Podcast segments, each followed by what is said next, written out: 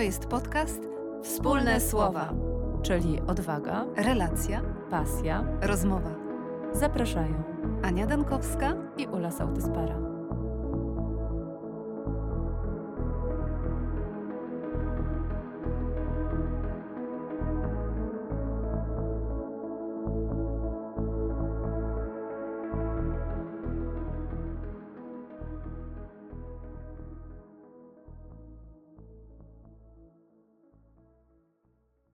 Witamy. Witamy. Zapraszamy do odcinka o psychogenologii. Być może zastanawiacie się, co znaczy to trudne słowo. Mamy nadzieję, że przybliżymy je Wam trochę, bo gwarantujemy, że temat jest niezwykle ciekawy, wręcz fascynujący. A punktem wyjścia są dla nas dwie książki.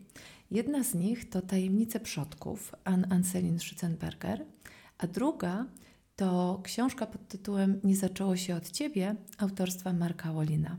I od Marka Wolina rozpoczniemy. On sam w rozmowach na temat tej książki mówi o tym, że oświetla korytarze przeszłości. W jego książce znajdziemy cytat z książki Tajnat Hana. Posłuchajcie. Gdy spojrzysz głęboko w swoją dłoń, zobaczysz swoich rodziców i wszystkie pokolenia swoich przodków. Wszyscy oni żyją w tym momencie. Każdy jest obecny w Twoim ciele. Jesteś ciągiem dalszym każdej z tych osób. Psychogenologia, jak mówi Schutzenberger, to nie tylko nauka, ale też sztuka. I to połączenie psychologii i genealogii mm, nawiązuje do tego, jak w praktyczny sposób zrozumieć, co w sferze psychiki jest przekazywane poprzez pokolenia. I jak to się dzieje, Aniu? I jak to się dzieje? Mhm. Wiemy, że możemy podawać dalej, w tym berku, jak wyraziła się e, jakiś czas temu Natalia de Barbaro, bardzo wiele wartości, ale też możemy podawać rzeczy, które mm, są jakimś e, doświadczeniem trudnym, traumatycznym. Zresztą przy okazji promocji nowszej książki Natalii de Barbaro Przędza opowiadała o tym, jak w którymś seriali bohater zdaje się, że już w końcowej scenie opowiada o tym, że skoro możemy przekazywać traumy kolejnym pokoleniom, to przecież możemy przekazywać też miłość i różne wartości. Zanim do tych zasobów i miłości, to jeszcze chciałam e, przytoczyć fragment e, z właśnie książki Nie zaczęło się od ciebie, która mm, może trochę rozjaśniać ten korytarz dla osób, e, które lubią racjonalnie ogarniać rzeczywistość. Y, ponieważ y, wiemy już dużo o epigenetyce, o dziedziczeniu traumy właśnie, a Mark Wallin y, wyjaśnia to na poziomie dosłownie komórkowym. Pisze tak. Historia, którą dzielisz z rodziną, zaczyna się jeszcze przed chwilą Twojego poczęcia. W swojej najwcześniejszej biologicznej formie, jako niezapłodniona komórka jajowa, dzieliłeś już środowisko komórkowe ze swoją matką i babcią – kiedy Twoja babcia była w piątym miesiącu ciąży z Twoją matką, komórka blastyczna komórki jajowej, z której powstałeś, była już obecna w jajnikach Twojej matki. A zatem, jeszcze zanim Twoja matka przyszła na świat, ona, Twoja babka i najwcześniejszy ślad Twojego istnienia znajdowały się w jednym ciele. Trzy pokolenia dzielące jedno środowisko komórkowe. Także to tłumaczy dosłownie biologicznie. Nie chcę czytać więcej, no bo prawda, to cała książka mm, tego dotyczy, y, ale podobnie jest z komórkami plastycznymi, z których później powstają plemniki, także to dla mnie jest taki nośny obraz, te trzy pokolenia w jednym ciele. Jak więc jedna osoba, y, będąca świadkiem czy uczestnikiem trudnego doświadczenia, y, kiedy to wszystko przeżywa, ma nie przekazać tego tym kolejnym pokoleniom, skoro zapisuje się wszystko w pamięci komórkowej. Więc to tak a propos właśnie y, dziedziczenia tych traumatycznych doświadczeń z takiej biologicznej właściwie perspektywy. Ale my dziś wiemy, że pewne postawy tak, y, y, są zapożyczone właśnie od osób, które były naszymi opiekunami. Przecież to tam się uczymy w dzieciństwie e, myśleć, reagować, być w określony sposób w relacji. I podobnie y, traktując te przekazy transgeneracyjne, mhm. chcemy zauważać, co tak naprawdę było obecne w tym poprzednim pokoleniu, wcześniejszym, a co może dziś z perspektywy właśnie psychogenologii być potraktowane jak takie niedokończone zadanie, bo o tym właśnie mówi też Schutzenberger, że oto mogą pojawić się wydarzenia, choroby, nie wiem, różnego rodzaju doświadczenia, które odtwarzają się y, poprzez pokolenia. My tych powtórzeń właśnie szukamy. Szukamy e, powtórzeń, które mogłyby świadczyć o tym, że jest jakiś przekaz, coś niewysłowionego być może, jakaś tajemnica, coś niewypowiedzianego, co z pokolenia na pokolenie staje się jakimś doświadczeniem utrudniającym dalszy rozwój czy, czy zmiany. Jest taka anegdota, często opisywana i przytaczana w kontekście rodzinnego spotkania, takiej uroczystości, być może świąt, gdzie na stole pojawia się jakaś pieczeń i któryś z gości dopytuje, dlaczego ona jest obcięta po obu stronach. Tak? I gospodyni mówi o tym, że to matka właśnie tak e, przycinała z obu stron pieczeń. I kiedy ta matka pojawia się na spotkaniu, mówi, ale to moja matka też tak robiła. I dopiero kiedy to trzecie pokolenie zapytane, dlaczego, mamo, e, obcinałaś te e, końce pieczeni, ujawnia, że no tak, no, no córeczko, przecież mieliśmy wtedy taki mały piekarnik i inaczej nie zmieścilibyśmy jej do środka. I to, co wysłowione, co nazwane, może nam ułatwić, tak jak powiedział Wolin, oświetlić drogę. Bo najtrudniej jest, zdaje się, kiedy te powtórzenia są e, nieuświadomione. Mhm. To Ann Schützenberger tak mówi, e, o czym się nie mówi. Nie? O czym nie mówi się w rodzinie, co jest ukryte, ponieważ e, często to, co ukryte, zużywa mnóstwo energii tak naprawdę systemu i blokuje jakiś zdrowy przepływ. I tak jakby ta tajemnica domaga się ujawnienia, stąd powtórzenia różnego rodzaju. Tak, ona mówi również o tym, że aby coś zostało strawione dosłownie, to potrzebujemy ujawnić sens i emocje z tym związane. Tak, a te tajemnice to często są y, właśnie mm, doświadczenia uruchamiające różne emocje. Y, w tajemnicach przodków pisze, że często są to mm, historie śmierci, czy śmierci dzieci, czy y, świadomość przestępstwa popełnionego przez kogoś z rodziny, czy jakichś romansów. Doświadczenia, które są gdzieś upychane i ukrywane, no i przez to one właśnie działają. I mogą y, utrudniać dostęp do naszej siły życiowej. Tak, tak. I też y, mówiąc o y, rodzicach, opiekunach, też y, Schutzenberger zwraca uwagę na to, że przecież rodzic może okazywać dziecku, że coś jest tematem tabu, po prostu, tak, zmilczając coś nieświadomie albo poprzez mimikę, ruchy. Dziecko czyta, na jakie tematy nie wolno rozmawiać, albo co jest tematem tabu, Bywa też tak, że te komunikaty są sprzeczne i ten podwójny, sprzeczny albo taki nakazowy komunikat może działać jak rodzaj zaklęcia w danej rodzinie.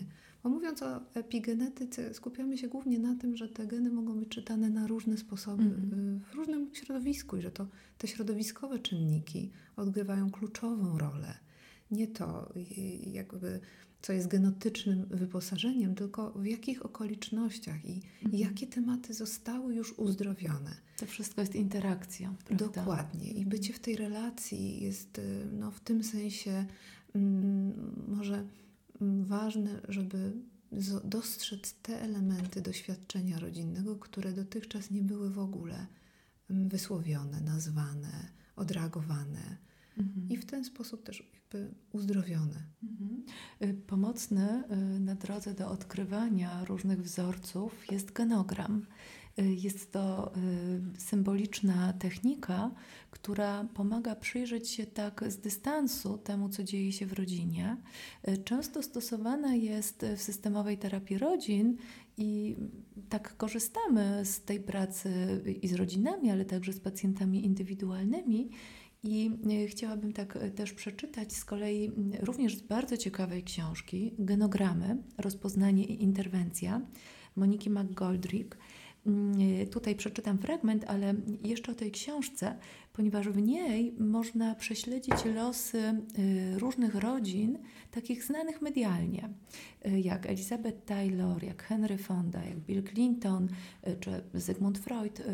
Można przyjrzeć się temu, co działo się w, w tych rodzinach, jakie były przekazy generacyjne, jakie były powtórzenia, jakie były wydarzenia rocznicowe o czym też właśnie Anne, Schützenberger wspominała, że pewne zdarzenia powtarzają się dokładnie w rocznice, w te same daty, y, w których miały miejsce inne wcześniejsze doświadczenia. Y, no ale y, co Monika McGoldrick pisze o genogramie, czym on jest i, i po co jest i czemu służy tak, tak naprawdę w praktyce klinicznej. Otóż e, genogramy podobają się klinicystom, ponieważ są one namacalnymi, graficznymi przedstawieniami skomplikowanych wzorców rodzinnych. Pomagają one klinicyście określić strukturę rodziny w jasny sposób, zapisywać dane i wprowadzać poprawki, w miarę jak obraz rodziny robi się coraz bardziej wyrazisty. Dla zapisu klinicznego genogram jest praktycznym streszczeniem pozwalającym klinicyście, który nie jest zaznajomiony z przypadkiem, Y, szybko zapoznać się z dużą liczbą informacji na temat danej rodziny i przewidzieć potencjalne problemy. Podczas gdy notatki w karcie choroby bądź kwestionariuszu mogą zagubić się wśród innych danych, genogram jest od razu widoczny i można nanosić na niego poprawki i dalsze zapisy przy każdej wizycie klinicznej w miarę pogłębiania wiedzy na temat danej rodziny. Y, ja powiem osobiście, że też bardzo lubię mm, pracować z genogramem i często przy spotkaniach z pacjentami y, sporządzam taki swój roboczy genogram, który dokładnie, tak jak tu pisze Monika McGoldrick, jest dla mnie od razu informacją o rodzinie. Takim jednym rzutem oka widzę, co, kto, kto jest kim, gdzie i tak dalej, w jakim układzie względem rodzeństwa, czy ma rodziców żyjących, czy już nie, kto z kim jest bliżej, z kim dalej. Jednak też y, często pracując z pacjentami, Genogram jest źródłem informacji właśnie dla pacjentów. I tutaj nie tylko o tych trudnościach i potencjalnych zagrożeniach, ale o tym, o czym Ty, Aniu, wspomniałaś wcześniej, czyli zasobach. Tak, bo sama Schutzenberger mówi o tym, że genogram może być wzbogacony o ważne informacje, fakty z życia y, rodziny, ale również uwzględniać więzi. I myśląc o tych przekazach pozytywnych, y, ona już we wstępie do książki pisze tak. Psychogenealogia bowiem prowadzi nie tylko do zaakceptowania przeszłości, ale także do uświadomienia sobie, że to, co jest słodyczą w naszym własnym życiu, także pochodzi z tego, co przodkowie zasadzili w naszym rodzinnym ogrodzie. No i tak, i zasadzili niejednokrotnie piękne jabłonie ze złotymi owocami. I też warto mieć tego świadomość i tego poszukać. Y, niejednokrotnie skupiamy się, no zwłaszcza pacjenci, kiedy szukają terapii, no to na pierwszym planie mają trudności, bo to ich prowadzi do terapii, ale potem można szukać, z czym poradzili sobie moi przodkowie. Bo skoro my jesteśmy tu i teraz, to znaczy, że życie poszło do przodu, że nasi przodkowie poradzili sobie z różnymi kryzysami. I jak oni sobie z tym radzili, co ich wspierało, to może być także cenną informacją, yy, także dla nas tu i teraz. Wolin tak naprawdę uzupełnia to o praktyczne ćwiczenia, bo kiedy już odkryjemy, co jest mm, ograniczeniem, co utrudnia nam skorzystanie z tych zasobów, to jest wreszcie też możliwe przyjęcie pozostałych, tych, które być może dotychczas nie były uświadomione. I on w swojej książce pisze tak: Daj sobie chwilę, by poczuć wsparcie swoich przodków. Skieruj oddech do miejsc, gdzie czujesz je w ciele. Te nowe uczucia żyją teraz w tobie i wymagają Twojej opieki i uwagi, żeby mogły rozkwitać. Z każdym świadomym oddechem uczucie spokoju i zadowolenia może rozchodzić się we wszystkich kierunkach i stawać się częścią Ciebie.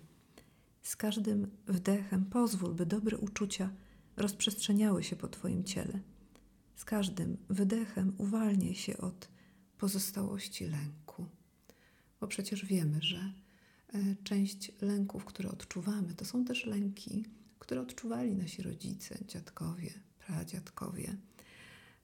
Czasami bywa tak, że osoba, która stawia się w gabinecie terapeuty albo szuka jakiejś odpowiedzi, która przeżywa jakiś objaw, nie zdaje sobie sprawy, że ten objaw jest właśnie takim przesłaniem od samego siebie do samego siebie lub do samej siebie, że tak naprawdę jest jakimś sojusznikiem, jest jakąś częścią, która chce rozwiązać jakąś niedokończoną sprawę. W tym kontekście być może nawet niedokończoną rodzinną sprawę, bo przecież nie wszystkie lęki pochodzą właśnie z naszych doświadczeń. Mhm. Czasem obserwowaliśmy naszych opiekunów, jak prawda, e, reagują. W odcinku o lękach opowiadałyśmy historię o znajomej, która e, pytała e, córkę, czy ty wiesz, co za, zaraz się może stać, tak? kiedy ta wchodziła na drabinę, a ona odwróciła się i powiedziała, tak, mogę wejść na górę.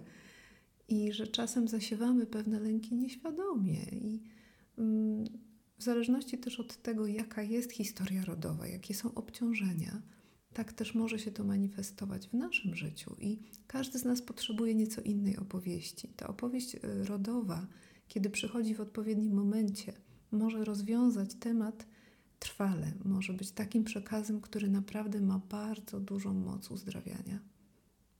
To jest odpowiedź y, właściwie na takie pytanie, po co się tym zajmować? No nie, gdyby u kogoś się to pojawiło, y, w jakim celu służy? Y, ja sobie nieraz myślę, że nasze objawy to walczą o nas. To, co mówisz, że to taki komunikat do nas, żeby się zatrzymać, żeby się sobą zaopiekować, albo przyglądać z różnych stron, odczytać metaforyczne znaczenie i poszukać jakichś nowych rozwiązań. I to jest pewnym wyzwaniem, ale przy świadomości wsparcia tak, tych, tych co za nami, y, no może być łatwiej. Sama Schutzenberger też, ona przestrzega przed takim zbyt pochopnym i łatwym łączeniem y, faktów historycznych albo z przeszłości, nawet chyba to tak nazywa obsesją nieprzypadkowości. Mhm. Tak, żeby jednak y, dać sobie szansę zobaczyć y, to najpierw w genogramie, czy tak jak ona mówi w geneosocjogramie, I dopiero mm, za jakiś czas, kiedy to, co e, umieścimy na tej mapie naszej rodziny, czy drzewie genealogicznym, tak, wzbogaconym o te wszystkie informacje, e, jakoś uwidoczni to, co naprawdę jest istotne z perspektywy tu i teraz. Żeby, żeby te mm, interpretacje nie były zbyt powierzchowne albo szkodliwe wręcz dla nas, bo nie chodzi o to, żeby zasiewać w sobie jeszcze więcej lęku. Mhm szukamy rozwiązań dla bieżących trudności i czasami odpowiedź będzie wymagała od nas rozmowy z e, jakąś krewną, krewnym, a czasami e, dostrojenie się też do e, wydarzeń, których, które może mają bardziej tło historyczne i które możemy odgadnąć, ale to przestrzeganie przed tym, żeby bazować tylko na takich przypadkowych informacjach dotyczy chyba tego, że ten przekaz jest bardzo łatwo spłycić i um, może bardziej sobie zaszkodzić niż siebie wspomóc. Mhm. Wspominałaś już, że w książce y, Marka Wolina są różnego rodzaju ćwiczenia. Y, I faktycznie, jeżeli ktoś jest zaciekawiony tym tematem, żeby zatrzymać się, to warto, aby mm, poświęcić chwilkę tym wszystkim pytaniom, które zadaje y, właśnie Wolin. Przyjrzeniu się swoim relacjom z dzieciństwa, przypomnieniem sobie, jak postrzegani byli rodzice nasi, ich relacje wzajemne, kto lub co miał wpływ na nasze życie. I to będzie też porządkowało taką naszą historię. Y, książka jest faktycznie takim też materiałem do pracy własnej, powiedziałabym. Y, więc no, zachęcamy. Mamy nadzieję, że w ogóle ten temat Was zainspiruje, y, aby zatrzymać się nad sobą, tak? No, nad poszukaniem, czego jeszcze nie wiem o swojej rodzinie, a więc i o sobie a co mogę dać potem dalej swoim dzieciom, tak, czy właśnie przyszłym pokoleniom. Ale mówisz chyba o czymś bardzo ważnym, bo rozmawiałyśmy też o tym, że my tak naprawdę wypożyczamy tą ziemię od przyszłych pokoleń. Kiedyś mówiłyśmy o tym, tak. I to tak. pytanie, co chcemy podać dalej w kontekście wartości, ale też tego, co mm, jest jakimś takim naszym doświadczeniem bycia w świecie wartym przekazywania bo wydaje mi się, że i tak wiele z tych rzeczy jest po prostu nieuświadomionych. Mówimy o tym, jak jak bardzo uczymy się poprzez obserwacje, więc o wiele ważniejsze jest to, jakich wyborów my dokonujemy na co dzień, nawet tych takich prozaicznych, prostych, bo one też y, w sumie dają mnie też jako jakiś post, jakąś postać, jakiś obraz tego, kim jesteśmy po prostu. Mhm. Tak, bo ja myślę sobie, że też nie ma co od siebie za dużo wymagać, że jesteśmy w stanie nad wszystkim mieć kontrolę. Nie jest I, to możliwe. Prawda? Mhm. I wiele rzeczy będzie się działo nieświadomie czy odruchowo. Tak, żeby się tego nie bać, żeby właśnie nie zasiewać poprzez tą mhm. psychogenologię jeszcze w sobie tak. jakichś lęków, tak, takiego napięcia. Tak, ja często to słyszę, że ten stres na przykład, nie, że się zastanawiamy, mam tyle stresu, jestem na przykład w ciąży i się zastanawiam, czy to jest w porządku, że ja się czegoś boję. Mhm. Przecież nasze ciała są stworzone do tego, tak. żeby ten stres i ten ładunek energii też jakoś rozładowywać. Nie popadajmy też w takie skrajności, takie skrajne traktowanie czy naszych doświadczeń traumatycznych, czy stresowych, jako coś, czego nie, nie udźwigniemy, bo tak nie jest. Mhm. Tak, gdyby stres był aż tak zabijający, to by nie było nas tu i teraz. Gdyby traumy były też nie do uzdrowienia, to też nie byłoby nas teraz. Oczywiście, no a w kontekście traumy też warto pamiętać i o rezyliencji, i o wzroście posttraumatycznym. Tak? To nie jest tak, że każdy będzie rozwijał PTSD i wiele rodzin, wiele systemów rodzinnych ma swoje strategie radzenia sobie. I często są to konstruktywne strategie i tego szukamy. Oczywiście zdarza się, że są tam e, destrukcyjne zachowania, czy właśnie tematy tabu. I to możemy rozmontowywać także podczas terapii, Y, czy podczas y, rozmów z przodkami, tak? z naszymi żyjącymi jeszcze być może babciami, dziadkami, ciociami. Ja zachęcam do takich poszukiwań i do rozmów, jeżeli o kimś nie wiecie za wiele. Czasem się tak zdarza, kiedy rysuje, rysujemy na sesji genogramy, że pacjenci o kimś nic nie wiedzą, że o, tu był chyba jakiś wujek, ale nic nie wiem o nim. To ja zachęcam, żeby właśnie zgłębić informacje o tych wujkach, ciociach i innych przodkach, o których nic nie wiecie. Bo być może będzie to w jakiś sposób, no na pewno odkrywcze, no bo skoro nic nie wiecie, to będzie coś nowego, ale może jakoś ważne dla Was, będzie rezonowało w jakiś sposób. To, co potrzebujemy też chyba tak oświetlić i jasno wyrazić y, wobec samych siebie, to, że w tym drzewie były i jasne, i ciemne miejsca, ale że rozpoznane przestają działać tak jakby z drugiego planu. I wydaje mi się, że stworzenie takiej mapy ma właśnie taki sens, żeby najpierw wszystko zostało rozpoznane i żebyśmy mogli podjąć decyzję, czy my sami chcemy nie? w sposób właśnie mm, świadomy z tym pracować, czy też nie, bo moment, kiedy decydujemy y, o, się na taką pracę, też wydaje mi się jakoś ważny. Akurat sięgnęłyśmy też po książkę Wolina, mm, ponieważ on zwraca uwagę na moc słów. Wśród tych ćwiczeń nawet proponuje takie, które mm, stałyby się takimi leczącymi zdaniami, takimi, których być może nikt do nas nie wypowiedział, ale które e, wypowiedziane na głos, czy w kontekście terapii, czy nawet jakiejś pracy własnej, mogą być bardzo przydatne i leczące. Hmm. Jednym z takich zdań jest na przykład: Kocham Cię za to, kim jesteś. Nie musisz nic robić, żeby zasługiwać na moją miłość. Pytanie, ilu z nas, ile z nas e, usłyszało to, kiedy byliśmy dziećmi, a ile z nas też poczuło mm, się kochanym nie dlatego, że coś osiąga, tylko dlatego, że jest. Więc tych przekazów jest, myślę sobie, na tyle dużo, że praca z książką jest taką propozycją ustrukturyzowaną, że jest to mm, poradnik, przewodnik po tym, jak może wyglądać też nasza praca później już z terapeutą. Mhm. Dokładnie. Myślę, Aniu, że zachęciłyśmy słuchaczy do zapoznania się z tematem genogramów, historii rodzinnych y, i tajemnic przodków swoich własnych. Z odwagą, jak zwykle. Tak, z odwagą.